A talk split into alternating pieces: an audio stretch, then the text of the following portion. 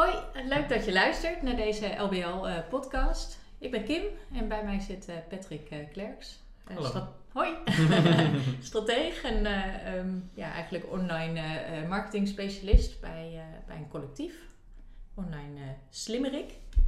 Nou, welkom uh, Patrick. Ja, dankjewel. Ja, leuk dat je er bent. Mijn eerste podcast. Is dit je eerste ja, podcast? ik heb nog nooit een podcast gedaan ook. Ja. Oh, nou ja, eens moet de eerste keer zijn. Super vet. En wat een eer dat wij dat dan als LBL kunnen doen. Ja. Cool. Um, ja, ik wil het graag met je hebben eigenlijk over uh, online campagnes. En vooral uh, always on campagnes. Want dat is echt een buzzword onder marketeers momenteel.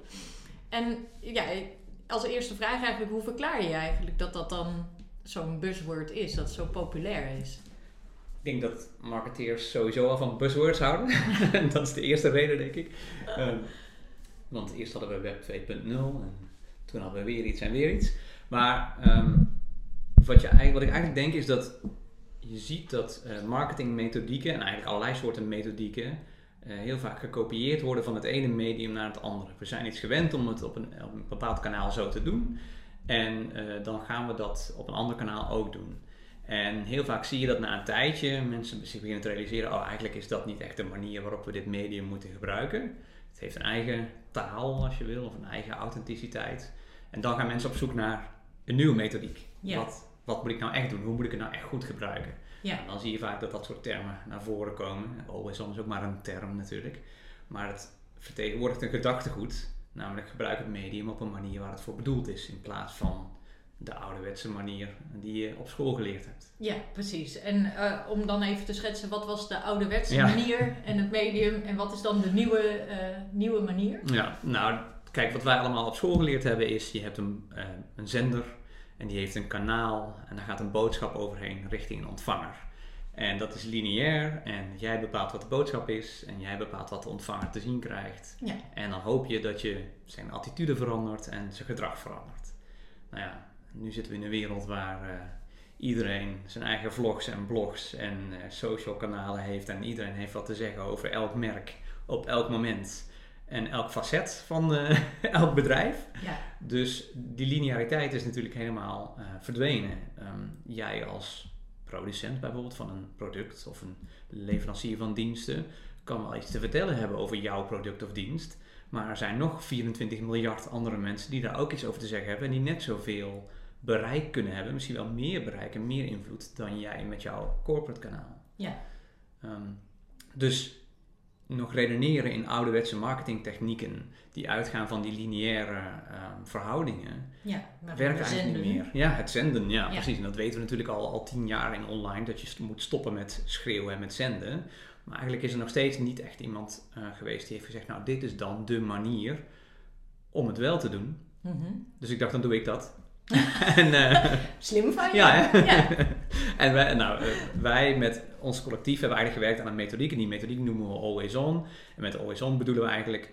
Um, stop nou met dat schreeuwen. Stop met vooraf precies te bedenken wat je nou aan je klanten wil vertellen. Want dat, dat werkt niet. Dat is dat lineaire denken.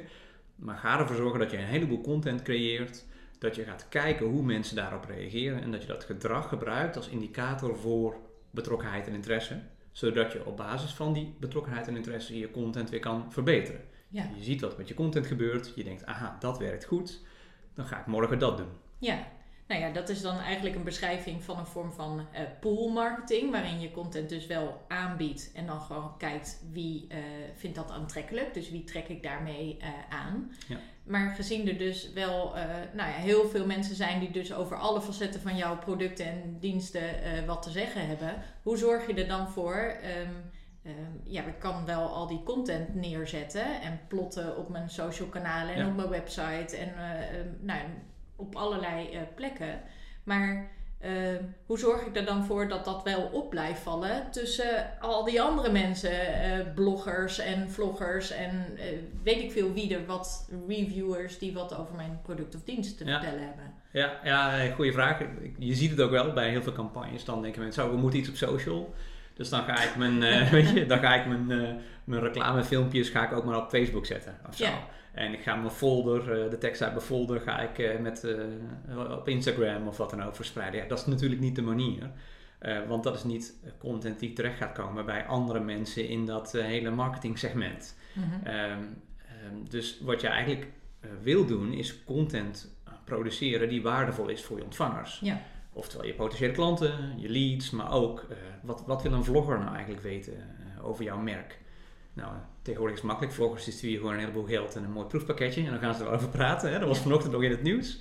Ehm, maar ehm, kijk, als je het breder bekijkt, dan is het gewoon content met meerwaarde voor de ontvanger wordt besproken en wordt gedeeld. Ja. Dus eh, wat wij bij klanten altijd proberen te doen is um, hen te behoeden voor de klassieke fout, namelijk, oh, dan ga ik over mijn product schrijven op Facebook. En te zeggen, nee, wat willen die mensen op Facebook nou echt weten over jou, je product, de eigenschappen? Waar zoeken ze naar? Ja. Bied hen eerst die content, dan bouw je een soort meerwaarde op voor die doelgroep. En dan zie je eigenlijk nou, in 95% van de gevallen dat die doelgroep vervolgens ook dichter bij jouw merk betrokken raakt en dus ook meer voor je wil gaan doen. Ja, maar dat betekent dus dat je een andere vorm van communiceren moet vinden. Nou ja, Facebook, dat is eigenlijk het kanaal. Uh, ja, we weten natuurlijk best dat daarop geadverteerd wordt en zo. En ik zie ook de, de slideshows voorbij komen en dingen in mijn, in mijn feed. Maar uh, eigenlijk is dat de plek waar ik vooral wil bijhouden wat mijn vrienden aan het doen zijn en wat zij interessant vinden en wie ik daarin volg. dus je gaat die, die content daar wel plaatsen, ja. um, advertentieruimte daarvoor inkopen. Ja. Hoe hou je dat weg uit zeg maar, de, de gedachte dat het wel advertentie, als advertentie wordt gezien? Want ik zie wel dat het uh, sponsored content is, zeg maar. Ja, ja, ja. Het is een mooie hoe, hoe doe je dat, zeg maar? Ja, want, ja niet. Nee, kijk, als jij niet, dat is natuurlijk een bekende uitspraak, als jij niet betaalt voor het product, dan ben je het product. Eh, op Facebook ben jij het product. Dus jij kan wel denken dat het leuk is om daar je berichten van je vrienden en je familie te zien. Maar het is een advertentienetwerk natuurlijk in, in de strengste zin des woords. Daar verdient het zijn geld mee. Ja. Ehm, wat wij proberen is die content zo relevant mogelijk voor jou te maken. We gaan niet verbergen dat we een merk zijn, bijvoorbeeld voor onze klanten. We gaan niet doen alsof we jouw beste vrienden zijn, want dat zijn we niet. En uh, hallo. Hi. Hi, er komt eventjes iemand binnen. Excuus, wij dachten dat deze ruimte vrij was. Nee, sorry, nog een uurtje. En ook dat hoort bij een podcast. En ook dat hoort bij een podcast. Dat heb je als je een ruimte, ruimte huurt om even een podcast op te nemen. Geweldig. Um, dan ben ik mijn verhaal kwijt. Oh ja, oh ja, dus Nee, we, want dat krijg je ook wel eens dat mensen pretenderen van ah, we moeten de beste vrienden worden. Nee, je bent gewoon een merk, je bent een product, uh, je wordt geen beste vrienden met iemand. Wat je wel kan doen is zo relevant mogelijk zijn voor die ontvangers. Ja. Um, dus je gaat content produceren waarvan je weet, de mensen die het ontvangen, die, vind, die, die ervaren het niet als een storende boodschap, maar zien het als een meerwaarde in hun Facebook-ervaring of Instagram-ervaring. Het mooiste voorbeeld daarvan is um, een klant die we hebben, de Nederlandse Stichting voor het Gehandicapte Kind, waarbij we um, elke week een promoted post deden op Facebook. Ja. En waarbij we op een gegeven moment uh, was er iemand ziek of uh, waren we, we hadden een week overgeslagen. En toen werd er letterlijk naar het kantoor van uh, die organisatie gebeld door mensen die vroegen waar blijft mijn Facebook advertentie. Nou, Wauw, als je dus dat soort content maakt, ja, ja, ja.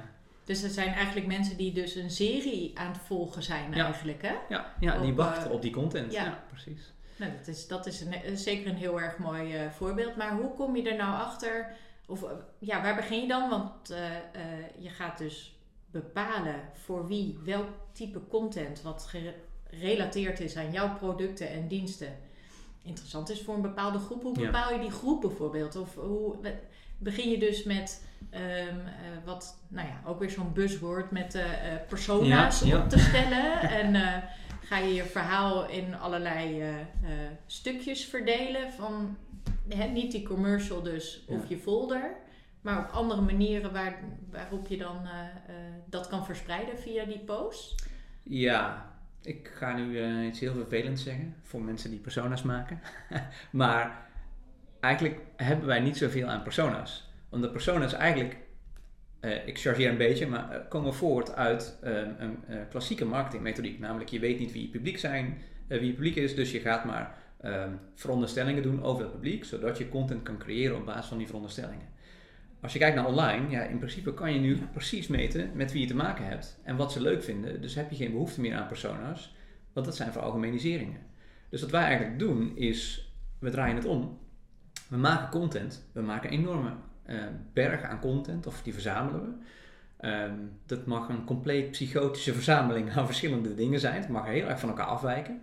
Uh, het moet juist zelfs van elkaar afwijken, omdat we dan precies kunnen gaan kijken wat doet het met welke uh, mensen binnen een hele brede ehm, doelgroep. Dus wij targeten binnen zo'n campagne misschien wel heel Nederland of iedereen boven de 18 of als we voor een Amsterdamse merk bezig zijn, de hele stad. Ja. En dan gaan we gewoon kijken wie vindt welke content nou leuk. En dan gaan we segmenteren. Dus dan gaan we groepjes maken ja.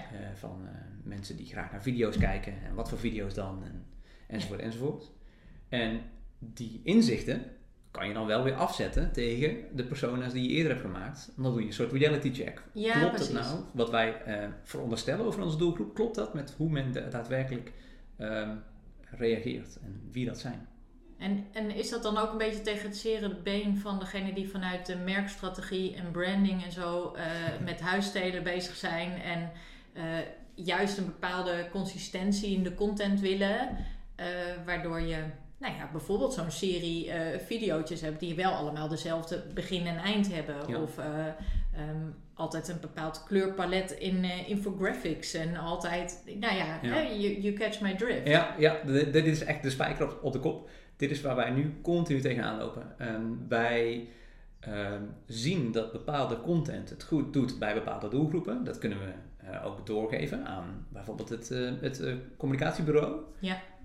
En vervolgens zie je dat een communicatiebureau daar het heel vaak daar moeilijk mee heeft, omdat zij vanuit een visuele lijn denken. Logisch ook, hè? ze denken corporate, ze hebben een stijl ontwikkeld, die willen ze in alles doorvoeren. Maar wij zien, ja, hoe harder je dat probeert door te voeren, hoe minder goed je content eigenlijk werkt. Uh, het communicatiebureau heeft een mooi plaatje bedacht. Wij zetten dat plaatje in in een campagne, maar we zetten ook tien andere plaatjes in. En we zien, die andere plaatjes doen het beter. Ja, wat doe je dan? Als je het beste wil voor je klant, dan zeg je, uh, sorry, maar dat mooie plaatje dat je bedacht hebt, levert niet de beste resultaten op. Um, nou, eh, een paar jaar geleden leidde dat tot uh, ruzie. Ja. nu zie je dat dat, er is een soort van uh, omslag gaande, dat ook, ook mediabureaus en communicatiebureaus dit beginnen te begrijpen. En uh, dat ze dichter naar elkaar toe komen. Dus dat, uh, dat zie je nu ook. We werken voor de Consumentenbond. Daar hebben we elkaar gevonden. Um, wij zetten campagnes uit, zien resultaten uit de campagnes, krijgen inzicht over de doelgroep. Dat geven we door aan het communicatiebureau. Die nemen dat mee bij de creatie van content voor de volgende campagne. Ja. En dan krijg je mooie synergie, om maar zo'n mooie foute marketingterm te gebruiken. Ja, precies, precies. Laten we de paarse krokodillen inderdaad niet, uh, niet vermijden. Ik wil nog het woord opschalen ergens gebruiken. Straks. Oh ja, oké. Okay, okay. Nou, dan gaan we, gaan we ook uh, uh, wat, wat voor verzinnen. Ja. Um, maar je ziet dus eigenlijk dat je juist de content en ook de type uitingen die je maakt en ook de vorm van die uitingen kan optimaliseren. Ja. Uh, op basis van dat wat je uh, leert, welke inzichten je krijgt, van hoe jouw publiek eigenlijk in elkaar steekt en waar ze, waar ze positief op reageren met betrekking tot jouw dienstverlening of datgene wat je komt vertellen. Ja, en of ze goed converteren, of ze ook daadwerkelijk, en want heel vaak redeneren mensen nog op basis van bereik of klikjes of op hoeveel fans je hebt. Ja. Maar dat zegt natuurlijk eigenlijk geen ene drol over wat je daadwerkelijk presteert. Nee. Je verkoopt een dienst of een product of je werft een donatie. Je wil weten, uh, die mensen die doorklikken, gaan die ook daadwerkelijk iets kopen, iets afnemen of geld doneren? Ja, en, uh, dus online campagnes voeren, uh, zoals jullie dat doen, staat heel erg in, in relatie met accountable content. Dus zeg maar de ja. content die werkelijk wat doet in conversie in klanten of in aanvragen van, van een brochure of in ja. aanmeldingen voor een nieuwsbrief of whatever. Iets van een opt-in in jouw bedrijfsvoering. Ja, we proberen eigenlijk te, te, denken in termen van micro- en macro-conversies. Dus hoe krijg je iemand van een hele lage betrokkenheid zover dat hij of zij een, een micro-conversie doet. Dat kan inderdaad een klikje zijn naar de website, dat kan het downloaden van zo'n pakketje zijn. Hoe meer mensen doen, hoe dieper hun betrokkenheid wordt. En als je weet en je kan meten dat iemand op een bepaald betrokkenheidsniveau zit, nou, dan kan je je zwaardere ehm, content gaan aanbieden, je hogere ask, zoals het dan wordt genoemd, uh, waarin je zegt, nou, koop nu ook maar eens een keer een product. Ja. En dan werkt, zien wij, uh, ja. werkt dat dan eigenlijk een beetje hetzelfde als bij uh, de, zeg maar de marketing automation kant, waarin je een content flow bouwt op basis van betrokkenheid? Ja, ik denk dat marketing automation een belangrijke rol erin kan spelen, maar wat wij wel zien is dat het eigenlijk nog verder gaat dan dat. Dat er altijd nog duiding nodig is van mensen die daadwerkelijk inzicht hebben in wat, waarom mensen nou bepaald gedrag vertonen. Ehm, je, je, kan daarin automatiseren. Je hebt zelfs al systemen die ook ehm, met kunstmatige intelligentie bepaalde gedragspatronen kunnen herkennen en daar weer content in e-mails of op social op af kunnen stemmen. Ja, Google is daar ook al heel ver in, toch? Ja. Google is daar ver in. Er zijn een aantal bedrijven in Nederland ook al die daar uh, systemen voor aanbieden. Maar als ik nu nog de resultaten van dat soort systemen afzet tegen um, uh, zeg maar constructies in campagnes waar ook daadwerkelijk nog mensen kijken naar, uh, naar gedrag van het publiek, dan zie je dat dat nog wel steeds beter presteert. Omdat je ook gewoon ja, menselijke duiding kan geven aan, uh, aan gedrag. En dat is voor computers nog heel moeilijk. Ja, precies. precies. Ja. Uh, de time will tell. Ja, ooit. Ja. Als we Stephen Hawking mogen geloven, dan komt dat wel over een jaartje of tien. Ja, ja. ja. nou ja, daar, dan hebben we nog even de tijd om op dit moment dit, dit, pad te, be, te bewandelen. ja, ja, voorlopig nog wel. Ja. Um, wat jij re relateert dan die fases waarin mensen zitten, wat betreft dat betrokkenheid met een uh, behavioral model van BJ. Ja. Uh, dat heb ik dan uit een, een webinar van jou via, via Frank Watching. Ja, klopt. Kan je ook op, zonder plaatjes zeg maar bij een, bij een, een, audio podcast uitleggen van hoe dat dan zit en wat voor content je eigenlijk allemaal nodig hebt om, om, om dat model zeg maar te benaderen of te volgen of daar gebruik van te maken? Ja, ja. ja wat je, eigenlijk is het heel simpel. Ehm, eigenlijk zegt dat model, biedt mensen met een hele lage betrokkenheid geen hele moeilijke dingen aan. Ehm, denk aan, je komt op de website van een willekeurige non-profit. Je kent ze nog niet zo goed, maar je wil je eens gaan oriënteren. Wat doen jullie nou eigenlijk? Komt dat geld wel goed terecht? Wat blijft dan een strijkstok hangen? Weet ik veel wat je wil weten. En, ehm, en je wordt onmiddellijk met een enorme banner geconfronteerd die over de content heen valt. Red nu dit kindje in Afrika. Dat is een typisch voorbeeld van, een, uh, van het organisationele denken. Namelijk wij willen die donatie binnenhalen of dat product verkopen of wat dan ook. Uh, terwijl uh, je dat richt op een, ja, op een generieke doelgroep. Waar ook een heleboel mensen in zitten die eigenlijk nog helemaal niet zo betrokken zijn. En nog helemaal geen motivatie hebben om iets voor jou te doen. Zeker nee, die niet zitten zeg maar nog in de awareness fase. Ja, ja, die zijn nog onbekend. die, die worden net aware. Ja. En um, en, en je schrikt ze eigenlijk alleen maar af. Nou, eh, dat is weer dat typische lineaire denken. Ik moet iedereen dezelfde boodschap bieden. Nou, dat hoeft helemaal niet. Je kan gewoon zien hoe betrokken iemand is. Is hij eerder op de website geweest? Heeft hij al video's van me bekeken? Staat hij al in mijn donatiebestand? Uh, nou, ga ze maar door. Ehm, dus dat model zegt eigenlijk, bied mensen die zo'n hele lage betrokkenheid hebben, biedt die iets heel simpels. Laat ze gewoon een filmpje van uh, eh, 10 seconden bekijken. Ehm, toon ze één infographicje en laat ze daarna weer met rust. Want als je weet dat ze zoiets bekeken hebben, of ze zijn op je website geweest, of welke connectie je dan ook hebt, dan kan je ze op een later moment toch weer benaderen. op basis van retargeting. Ja, retargeting. Uh, je zet een tracking pixel op je website, of uh, je kijkt in je social media welk gedrag die mensen eerder hebben vertoond. En dan kan je content gaan aanbieden op basis van dat eerdere gedrag. En mensen zo langzaamaan omhoog trekken in die betrokkenheid. Iemand die al meer betrokken is, kan je iets moeilijkers laten doen. En iemand die enorm betrokken is, kan je iets heel moeilijks laten doen. Ja.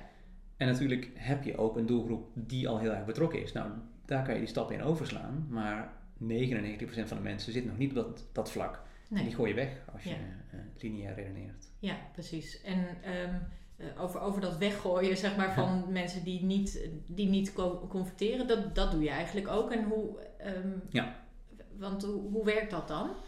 kan, ik telkens, uh, um, nou je kan sowieso zien wie dus uh, telkens meer betrokken raakt. Ja. En die kan ik nieuwe content bieden. Ja. Maar er zijn er ook mensen die misschien heel lang slapend zijn of niet verder betrokken raken met mijn merk. Hoe bepaal je dan op, op welke mensen je wel en niet richt? Of hoe, straks zijn er maar heel weinig mensen die overblijven in je mandje die hoog betrokken raken. Hoe, hoe kom je dan nog aan je bereik? Als je wel hogere sales targets bijvoorbeeld hebt. Ja. Als uh, je, je directeur die zit je achter de broek aan van ja, heel leuk.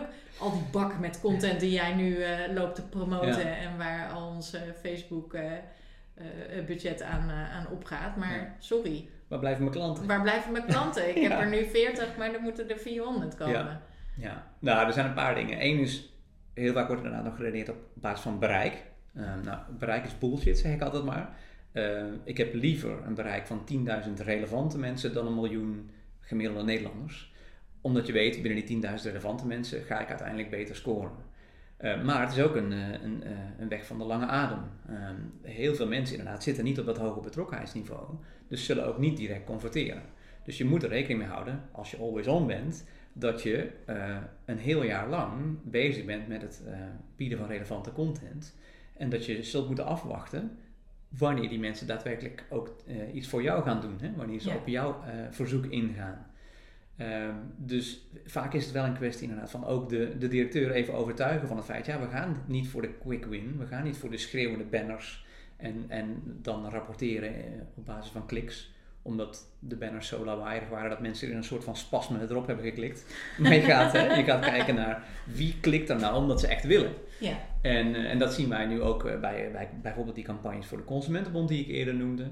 Ehm, wij zien nu na een jaar campagne voeren of always on zijn, dat mensen die ehm, in het afgelopen jaar meerdere malen met uh, relevante content in aanraking zijn gekomen. Content die voor hen meerwaarde had. Mhm. Adviezen, tips, checklists, noem maar op. Um, dat die aan het eind van het jaar, op het moment dat we ze daadwerkelijk willen laten converteren, Mhm. drie tot vier keer sneller converteren dan uh, mensen die zeg maar koud benaderd worden. Ja. Nou, dan ben je je campagne aan het terugverdienen. Ja, precies. Want dat, dan, dan hebben we het ook gelijk over de verhouding tussen uh, zo'n aanpak en bij wijze van spreken een uh, tijdelijke campagne uh, die je op tv met een, uh, met een mooie commercial hebt Ja. staan. Of misschien op de radio of, of een outdoor campagne. Ja, Heel, merk je bijvoorbeeld aan marketeers dat ze daar onwennig in zijn om dat dan los te laten. omdat ze niet in een in diezelfde tijdelijke korte periode grip krijgen op, oh ja, dit stop ik erin. ja, Aan eh, um, een media inkoopbudget wat ik bij mijn mediabureau heb neergelegd en een reclamebureau wat voor mij een mooie uh, commercial maakt. ja, Um, en dat kan ik dan ook zien, laten zien aan, de, aan mijn directeur, zeg maar. En Ja. nou, in ieder geval wat, wat, wel wat roepen over die kliks. Ten opzichte van iets waar we nog heel lang op moeten wachten en waar ik allemaal content voor uh, maak. ja. Zit, je, zit jij nog in de, in, ja, uh, in de fase van bewijslast moeten leveren, zeg maar, voor deze methodiek? Ja, ja. Heel erg. Ja, heel erg. Ehm, alleen al om het feit dat eh, het middel de boodschap is voor, voor veel ehm, managers en directeuren. Oh, we zijn op tv of oh, we staan in de krant. Dus eh, dat heeft een hoge waarde. Ja, dus ik ben aanwezig. ja, terwijl je dus dat dus ben- misschien niet bent. Nee, het is natuurlijk. wie kijkt er nog televisie? Eh, wie kijkt er nog naar reclames? Het is. Je wil gewoon niet weten, volgens mij, hoeveel mensen tijdens een, eh, een televisieuitzending in de reclame lekker op de wc zitten en naar een smartphone aan het kijken zijn. Dus eh, laat mij alsjeblieft op die smartphone aanwezig zijn. Dat, dat is het eerste sowieso dat ik dan denk. Eh, en het is ook rete duur. Ik bedoel, voor eh 10 seconden video eh, op televisie kan ik een jaar lang een video op Facebook inzetten. Ja, kijk, dat soort dingen willen we horen ja. natuurlijk, hè? Ja, dat is natuurlijk de, de prijs-kwaliteit verhouding van televisie en radio en ook print eigenlijk vind ik, vind ik niet meer passen bij deze tijd. Eh, zeker nu Facebook eh, eh, en, en dus ook Instagram heeft besloten wij willen het nieuwe videokanaal worden. Dus wij bieden videovertoningen rete goedkoop aan. Ja, zelfs al gaat het je alleen om bereik, kan je nog beter op Facebook adverteren. Ehm, dus dat is één. En aan de andere kant, ehm, je, hoe zeg je dat? Je, je, je ziet vaak nog dat mensen afgerekend worden op ouderwetse metrics, zeg maar. Ja. Hè? Eh, op eh, websitebezoekers, op vertoningen, op weergave, impressies, dat soort dingen allemaal. Die worden dan elk kwartaal daarop afgerekend. En zolang dat niet verandert en zolang ook eh, zeg maar, eh, op hogere niveaus binnen de organisatie mensen niet snappen dat bereik en impressies eigenlijk helemaal niks zeggen over effect, ehm, eh, blijft dat voor mij oorlog voeren. Ja, dat Ja. klopt. Ja. Dus eh, op het moment dat bedrijven dus toe zijn aan, aan nou ja, eigenlijk denken in de vorm van accountable content. We Ja. maken alleen maar content, of we maken voor campagnes in ieder geval alleen maar eh, content die werkelijk converteert. Ja. In klinkende euro's eh, eh, bijvoorbeeld. Of zoveel donaties voor Ja. mijn, eh, voor mijn eh, goede doel. Bijvoorbeeld. Of naamsbekendheid. Of naamsbekend- Ja. Ja, precies. Je hebt, de, je hebt natuurlijk wel metrics op verschillende eh, Ja. doelstellingen. Ja. Ehm, En dat die doelstellingen dus eigenlijk een, een soort einddoel zijn. Of dat inderdaad het branding imago spectrum is waar je uh, wat wil. Of misschien wel in NPS. Hè, klanttevredenheid Ja. of uh, Ja, van bijvoorbeeld. aantal uh, ambassadeurs of loyaliteit. Ja. En, en gewoon conversie in afname van producten en diensten. Ja. Ja, waarom ben, je, waarom ben je hier op aarde? Je bent hier, niet om, je bent hier niet om content te produceren. Je bent er niet om campagnes te voeren. Je bent er om aan je bedrijfsdoelstellingen te voldoen. Ja. Uh, dus waarom redeneer je daar uh, niet op? Op, Ja. die, uh, op die kenmerken. Ja. Um, wat, wat, zie je dan, um, of wat moet er dan gebeuren, zeg maar, in de toekomst? Om, zie je dat de rol van marketeer dan sowieso moet veranderen of, of gaat veranderen? Um, ja, ik denk dat de rol van marketeer sowieso aan het veranderen is. Kijk, ik, ik, ben niet een social fanboy. Ik vind niet dat iedereen op Facebook moet of op Instagram. Uh, maar je ziet wel dat mensen uh, meer, um, meer in generieke termen over hun marketing en communicatie beginnen te denken. En te, ze beginnen te zien dat content over verschillende kanalen heen elkaar kan gaan versterken.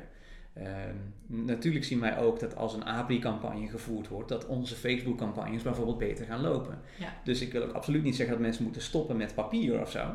Uh, maar je hebt wel mensen nodig die snappen wat de, de, de relaties en de correlaties zijn tussen al die verschillende kanalen. Ja. En ik merk bij onze klanten, vooral de afgelopen twee, drie jaar, dat, we, uh, dat daar een enorme uh, groei is in de kennis die de marketeers binnen organisaties zelf hebben. Ja. Eerst kreeg ik de vraag, ik wil duizend nieuwe vriendjes op Facebook. Hè? Dat werd in 2013 of 2014 gevraagd. En nu Ja. zeggen mensen van, uh, ja, ik wil eigenlijk dat ik uh, mijn retargeting wat beter kan instellen, zodat mijn CPO stijgt. Ja. Dat zijn hele andere vragen. Dat zijn zeker hele andere Ja. vragen. Ja, Ja. er wordt meer, uh, nou ja, paarse krokodil, omnichannel of multichannel gedacht. En ook vanuit dat soort uh, kosten, redenaties, metrics die daarna aan gekoppeld zijn. Ja, ja. Maar um, uh, ik kan me voorstellen dat er ook een heleboel marketeers die, die denken nu van, nou, ik wil eigenlijk ook echt iets uh, met, dat, met die methodiek van always on uh, Ja. bezig zijn. En dat gaan misschien heel veel mensen doen. Is het risico dat ik straks zelf als gewoon individu op Facebook of Twitter lees en eigenlijk mijn hele timeline alleen maar vol heb staan met de always on campagnes van merken? Ja, en dat zul jij fijn vinden.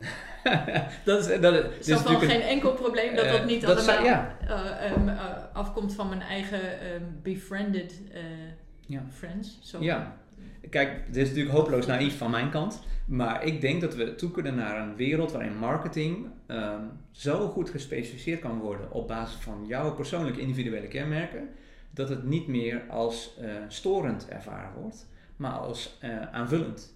En um, op het moment dat jij uh, naar je timeline kijkt en je ziet alleen maar hele interessante, toffe dingen, en dan heb ik het dus niet over dat paar schoenen van Zalando, wat je voor zes weken geleden een keer hebt bekeken en Ja. waar je de hele maand vervolgens mee lastiggevallen wordt, maar echt relevante, belangrijke meerwaarde content, uh, dan vind je dat waarschijnlijk prima. Uh, Ja. Zolang de uh, balans goed blijft en je dus ook gewoon kan vinden wat je vrienden hebben gezegd. Ja. Ik denk dat het een mooie vorm van marketing is. Marketing for good versus marketing for evil. Ja, precies, precies. En dan krijgen we ook een beetje het idee dat, het, uh, uh, dat de tijd die ik op Facebook uh, spendeer, time well spent Ja, wordt. Exact. In plaats van Ja. time spent. Ja, precies. Ja, dan mag je van mij best minder tijd met mijn merk doorbrengen, of, het merk van mijn klanten, als het maar waardevolle tijd is geweest. Ja. En, want dat zet jou later aan tot gedrag dat ik wil uitlokken. Ja, ja. Mooi. Nou, hebben we toch een heleboel, uh, he heleboel besproken. lijkt me Behalve het woord opschalen. Oh, behalve dat, het woord eh, opschalen. Ja, wil je het er nog even ingooien nee, als laten afsluiter? We, laten we dat opschalen in een volgende podcast. Oh, heel mooi, heel mooi. Nou, dan, dan, dan heb je je tweede alvast op de rol staan. Ja.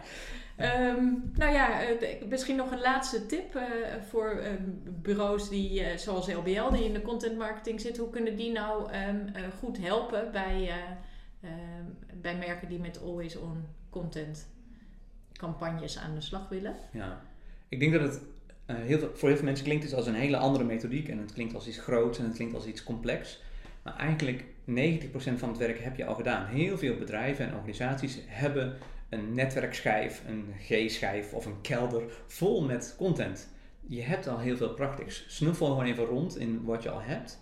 En ga daarmee gewoon eens kijken uh, of je uh, mensen kan benaderen en kan kijken uh, wat ze ervan vinden en hoe ze daarop reageren. Ja, begin dan, gewoon zeg Begin gewoon, ja, doe het gewoon. En dan die 10% extra die je nog moet maken, nou weet je, dat komt dan wel. Maar dat doe je pas als je al die inzicht hebt verworven. Nou, voor, ja. voor content-gerichte organisaties zoals LBL is dat natuurlijk eigenlijk alleen maar gewoon een soort toffe speeltuin. Ja. Duik, die, uh, duik die schijf in. Ga gewoon kijken wat er allemaal is. testen met onze uh, mooi gemaakte content. En dan gewoon kijken wel, wat, wat converteert, wat Ga werkt. Los. Ja, ja, precies. Leuk. Nou, ik heb er zin in.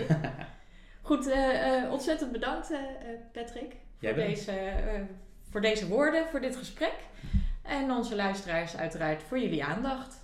tot een volgende podcast dan maar. Doeg. Doeg!